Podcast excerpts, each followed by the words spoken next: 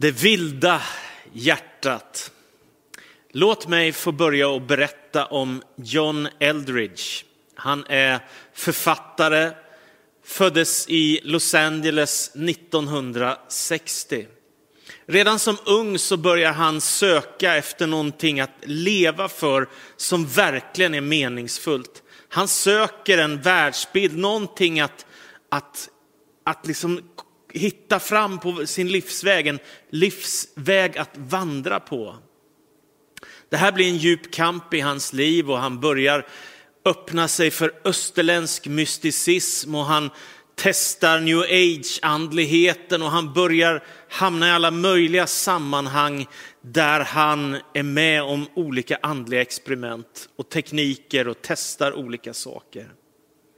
Men efter att ha hållit på med det här ett tag så konstaterar han att den tomhet som han bär i sitt hjärta finns kvar. Att han inte har fått tillfredsställelse i sitt liv fast han har sökt efter andlighet, fast han har varit med i spännande sammanhang som han har tyckt och upptäcka nya saker och utsatt sig för ett antal andliga tekniker. Ändå står han där tom och otillfredsställd. Ungefär som rockbandet U2 sjunger i en av sina mest berömda låtar I still haven't found what I'm looking for. Alltså jag har fortfarande inte hittat det som jag längtar efter. Så fortsätter han sökande och tiden går och helt plötsligt så får han tag på en bok av en kristen filosof och författare som heter Francis Schaeffer. Och han börjar läsa i hans bok och helt plötsligt så börjar saker hamna på sin plats. Och tack vare de här texterna som han sätter sig in i på djupet och där han börjar upptäcka hemligheterna med Jesus Kristus och med den kristna tron, så öppnade det sig som en ny dörr för honom, som ett nytt rike och ett nytt hopp och en ny mening och en större bild av världen den värld som Gud har kallat oss in i, sitt eviga rike. Och det leder till att John Eldridge vilda sökande, där han har testat så många sorters andlighet, leder honom istället nu till Jesus Kristus och till tro på Gud. Och han bestämmer sig för att följa Jesus. Han blir kristen och med tiden så hittar han också in i en kyrka. Och när han ska berätta själv lite om det här så skriver han så här. Han är ute i vildmarken på jakt och han berättar. Min jakt har ganska lite att göra med hjortarna som jag ser. Det visste jag redan innan jag kom hit. Det är något annat jag söker här ute i vildmarken. Jag söker någonting annat än villebråd, något som jag kan hitta med hjälp av den ödsliga vildmarken. Jag söker efter mitt hjärta. Och det finns en hemlighet inom varje hjärta. Det passerar ofta obemärkt. Vi sätter sällan ord på det. Det finns mestadels gömt i vårt allra innersta. Det är begäret efter livet så som det var tänkt att vara. Ett hjärtats upptäcktsfärd för att återvinna ett liv av frihet, hänförelse och äventyr. Och så börjar hans livsresa ta sig en helt ny väg. Och med tiden så blir han författare och han skriver många, många böcker och blir en bästsäljande kristen författare i USA med sådana här häftiga titlar som The Journey of Desire och sådana här grejer. Att, att leva ett meningsfullt liv, att vara på väg mot en spännande livsresa. Jag känner igen det där i mitt eget hjärta.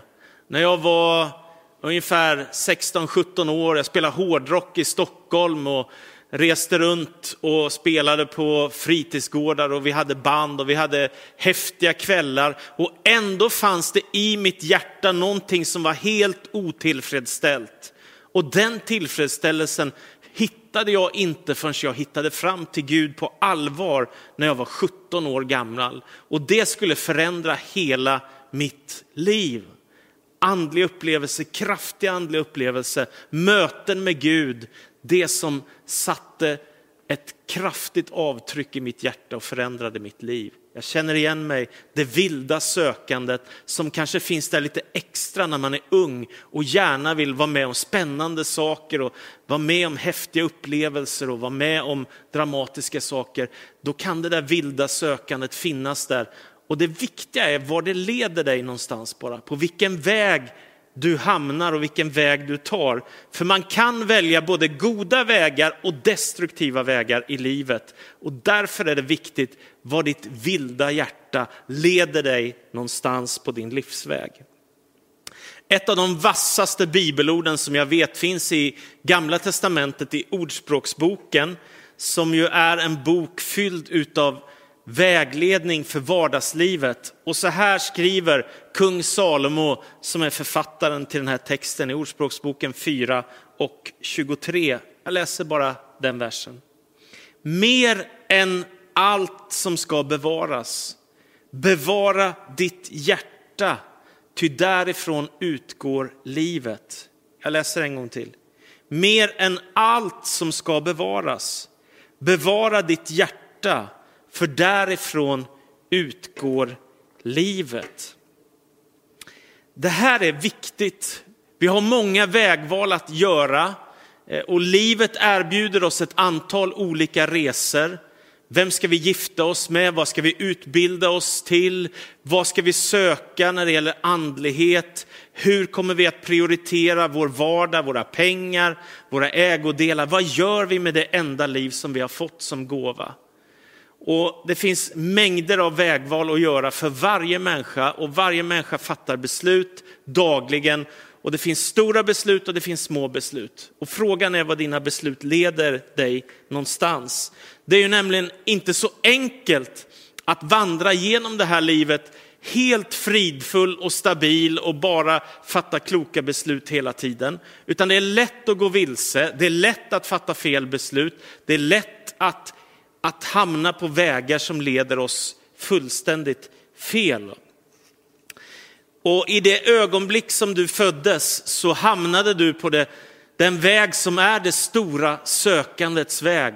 Vad du ska göra med det liv du har fått, med de dagar som du har här i den här världen. Hur du ska prioritera och vad det får för konsekvenser. Vi är därför sökare vi söker efter mening, vi söker efter liv, vi söker efter glädje, vi söker, tror jag, djupast sett efter Gud.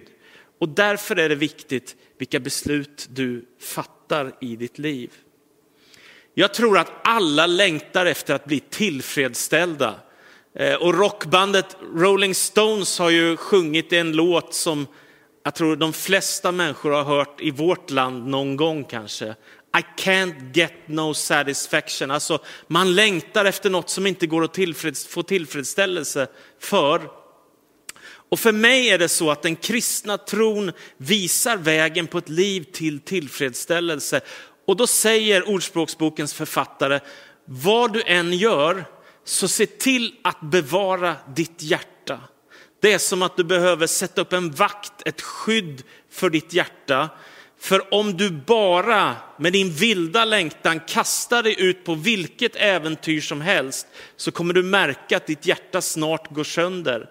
Inte alla människor kommer att behandla dig med respekt och med kärlek om du bara kastar dig ut i världen hur som helst. Du kan inte ge bort ditt hjärta till vem som helst, hur som helst och när som helst. Utan du behöver veta vad du fattar för beslut och du behöver söka tydligt efter en livsinriktning. Och Jesus säger i Matteus evangeliets sjunde kapitel, sök och du ska finna, bulta och dörren skall öppnas. Det vill säga du behöver rikta in ditt sökande med en slags profetisk klarhet på Guds väg, det som Gud har för ditt liv, det som Kristus har tänkt för dig. För om du bara låter ditt sökande leda var som helst så är ju risken också att det enda du lyckas med är tjäna pengar, kanske få ihop en familj, kanske få ett vettigt arbete och så går åren och man kan fundera på, är det verkligen inget mer än detta? Kanske lite härliga semestrar och så bara tickar tiden på. För mig är det en sån enorm skillnad att koppla in Gud på allvar i livet och att vara rädd om hjärtat. Och jag tänker mig att, att det bästa en människa kan göra det är att kombinera den här tryggheten som finns i Gud med äventyret som det innebär att följa Jesus. Att få ihop de två, för den här tryggheten och gudsordet som kan vägleda dig, som finns där, det hjälper dig att fatta kloka beslut och äventyret att följa Jesus varje dag som kommer att leda dig hela vägen in i evigheten.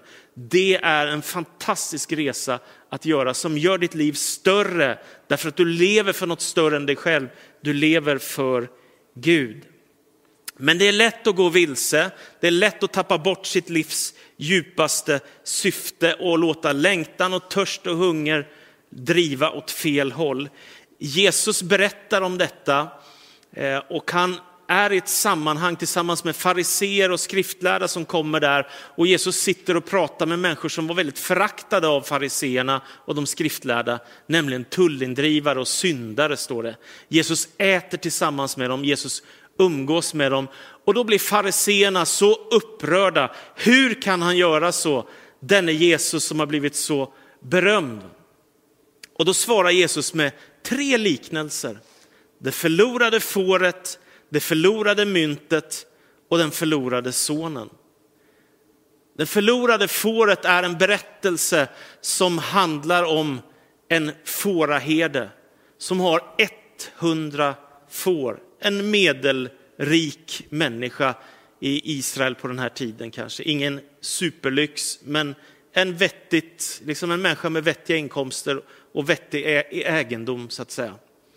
Och det som händer i den här liknelsen, det är att ett av fåren tappas bort. Och det var en tradition bland judarna att varje kväll så, när man förde in dem i follan så räknade man hur många får man hade så man såg att man hade alla där. Och så konstaterar Jesus i sin liknelse, ett får saknas, ett får är förlorat. 99 är här men ett är borta. Och då säger han att fåraherden lämnar de 99 och går ut i, i öknen för att söka efter det enda förlorade fåret. Och det är en märklig slutsats ju. Han har ju 99 där, hur ska han satsa bara på att sticka iväg för att hämta ett enda får? Varför kan han inte bara lämna det? Det skulle han ju kunna ha råd med. Men i Jesus liknelse så är detta en viktig poäng. Att fåraherden söker efter fåret till dess han finner. Och när han har funnit så blir han glad och så lyfter han upp fåret på sina axlar och så bär han det hem och tar det in i follan tillsammans med de andra fåren. Vad vill Jesus säga med den här liknelsen? Jag tänker mig att det Jesus säger det är att Gud är på jakt efter alla människor. Och han, han säger också att det blir större glädje i himlen över en enda syndare som omvänder sig än över 99 rättfärdiga. Och jag tänker mig att han har en liten vass pik mot de skriftlärda fariseerna som ser sig själva som så rättfärdiga människor och, och kallar de andra för usla syndare och tullindrivare. Men Jesus ser att det här är förlorade får, bildligt talat. Människor som Gud älskar och som han kallar på. Och för mig är det här en fruktansvärt stark tanke. Att Gud är på jakt efter oss varenda en. Att Gud kallar på oss, att han vill något med våra liv. Och att om vi söker oss bort ifrån Gud, om vi har sprungit vilse i vårt liv, så kommer han efter oss. Han är på jakt efter våra hjärtan och han söker oss av en enda anledning och det är att han älskar oss så högt. Va? Han lämnar de 99 för att hitta det hundrade fåret. Det finns en fantastiskt vacker lovsång som är skriven av en, en textförfattare som heter Corey Asbury. Och, och den är också insjungen på ett helt underbart sätt av en amerikansk artist och lovsångare som heter Israel Houghton. Och den texten handlar om exakt den här liknelsen och nu finns den översatt till svenska. Och då lyder texten så här. Och den oerhörda, ofattbara kärleken från Gud den lämnar allt och söker upp mig tills jag funnen är. Oförtjänt av den, jag är inte värden, ändå offrar du dig själv. och den oerhörda, ofattbara kärleken från Gud. Ta med dig den tanken. Det är inte bara du som söker Gud, utan Gud söker efter dig. Han är på jakt efter ditt hjärta och han kallar på dig att du ska följa Kristus. Det förlorade myntet, vad är det för liknelse? Jo, det är nästa liknelse som Jesus ger. Då berättar Jesus om en fattig kvinna som har ett hus och som tappar bort ett av sina tio silvermynt. Och liknelsen kan betyda att hon bara har tio silvermynt och att hon tappar bort det. Eller också är det en sån här brudgåva som man hade när man gifte sig. Då hade man en kedja med tio silvermynt. Det kan hända att det också handlar om det och att hon har tappat ett av silvermynten ifrån kedjan som man har när man gifter sig. Vid den här tiden fanns det ju inte elektricitet så att här handlar man, tänk dig in i läget att det är ett ganska mörkt hus, kanske möjligtvis en oljelampa, lite jordgolv och sen lite torkad vass kanske eller något sånt där. Och så någonstans här i det här halvdunkla rummet så ska hon hitta det borttalpade silvermyntet och hon letar, sopar eller hur hon gör för att hitta det. Och hon håller på till dess hon finner myntet och när hon finner myntet så blir hon så glad att hon ställer till med fest för sina närmaste. Kan man tänka den här järva tanken nu? Att Gud illustreras av en fattig kvinna som är hemma och städar. Vågar man tro den tanken att Gud är som en god mor som städar tills hon hittar silvermyntet och som vägrar att ge sig för hon har det tionde silvermyntet tillbaka upphittat igen. Och att Gud är som en kvinna som söker tills Gud finner oss. Kan man göra en sån djärv tolkning? Jag tror att det är det Jesus menar. Den tredje liknelsen, det är den förlorade sonen. Och det är en berättelse om en rik man med två söner. Och den ena sonen får för sig, jag vill ha pappas arv redan nu, den yngre sonen. Så han ber om att få ut sitt arv fast pappan är vid liv. Ganska fräck sak. Men han gör det. Och så drar han iväg och det är väl det typiskt det här vilda hjärtat som tänker att det som inte finns hemma måste jag få uppleva nu. Jag ska ge mig ut i världen och testa allt möjligt och han gör verkligen det. Han festar, han härjar, han går till prostituerade. Han gör sig av med hela sin rikedom som han har fått av sin pappa. Till slut har han ingenting kvar alls. Då ger han sig av till ett ställe där han får vakta svin. Och för det judiska folket så var svin orena djur. Man skulle absolut inte äta fläskkött. Så ni kan tänka in i situationen, han börjar arbeta med orena djur och han är dessutom väldigt hungrig och han längtar efter att få äta grismat. Så djupt har han sjunkit och då kommer han till besinning. Och så inser han vad han har gjort med sitt liv. Han hade allt han behövde hemma i fadershuset. Men istället har han slösat bort hela sitt arv och han har sumpat sitt liv. Det vilda hjärtat ledde honom fullständigt fel. Då tänker han, jag kan vandra hem till fadershuset igen och be om förlåtelse. Och han reser sig, han går mot sitt hem. Och när fadern till den förlorade sonen får se honom så springer han emot honom och han omfamnar honom.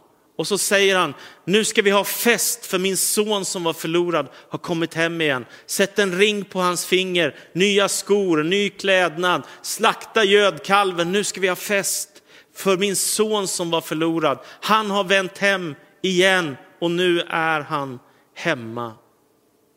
Och så blir det en stor, stor fest. Och jag tänker mig Gud som Fadern som springer emot oss när vi omvänder oss och inser att det häftigaste i livet, det är inte att få slösa bort pengar på massa olika saker. Det häftigaste som finns i livet, det kopplar tillbaka till Gud som är vår skapare, som är vårt ursprung. Han finns där när du föds. Han finns där genom ditt liv och när det är dags för dig att dö så finns han där också redo att föra dig till sin himmelska eviga värld. Den förlorade, det förlorade fåret, det förlorade myntet, den förlorade sonen. Tre liknelser berättar Jesus för de skriftlärda och för fariseerna med ganska tydlig pik mot att det finns en god Gud som älskar alla och som är på jakt efter förlorade får, söner och mynt. Bilden för människor, syndare och tullindrivare som Gud älskar så oerhört högt. Och så kallar han oss till detta heliga äventyr som det är att följa Jesus Kristus. Brian Houston som är pastor i Hillsong Church i Sydney, en fantastisk församling som grundades på 80-talet som samlar kanske runt 20 000 människor på gudstjänst när det inte är coronapandemi som nu. Och det är ungefär 150 000 människor i massa olika Hillsong-församlingar runt i världen som samlas till gudstjänst på söndagarna nu efter 40 års arbete eller vad det är ungefär. Han säger så här. Det kristna livet är ett äventyr in i det oväntade. Det är lika exotiskt som den australiensiska vildmarken och lika vardagligt som en kopp kaffe. Du kan börja där du är. Det är aldrig för sent, även om du har tagit några omvägar och stött på några återvändsgränder. Du behöver bara börja följa den största vägvisaren som någonsin har gått på jorden, Jesus Kristus. Ja, det vilda sökandet, det vilda hjärtat som vi har, det kan hitta fram till Gud och det är det största målet med en människas liv. Därför att det kopplar till hela evigheten. Det tar dig ut ur din lilla värld, in i Guds eviga rike och det kommer för alltid att förändra ditt liv. Så sök och du ska finna, bulta och dörren ska öppnas. Och kom ihåg det som kung Salomo säger.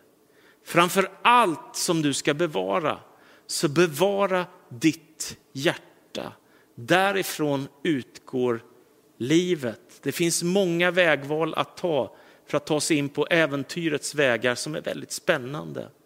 Men när det kopplar till Gud, då får livet en tyngd och ett, ett heligt allvar som gör att det finns något att leva och dö för. Och det vill jag skicka med dig som en utmaning. Vad du än gör, så följ Jesus och det kommer vara ditt livs stora äventyr som ska pågå i evigheternas evighet. Amen. Välsigna oss så du Jesus Kristus. Jag ber om vägledning för var och en, Herre. Jag tackar dig Gud för din godhet och nåd och jag ber att vi ska få inse att du kallar på oss att följa dig i ditt eviga rike. Tack för att du hör vår bön. Välsigna alla som har lyssnat. I Jesu namn. Amen.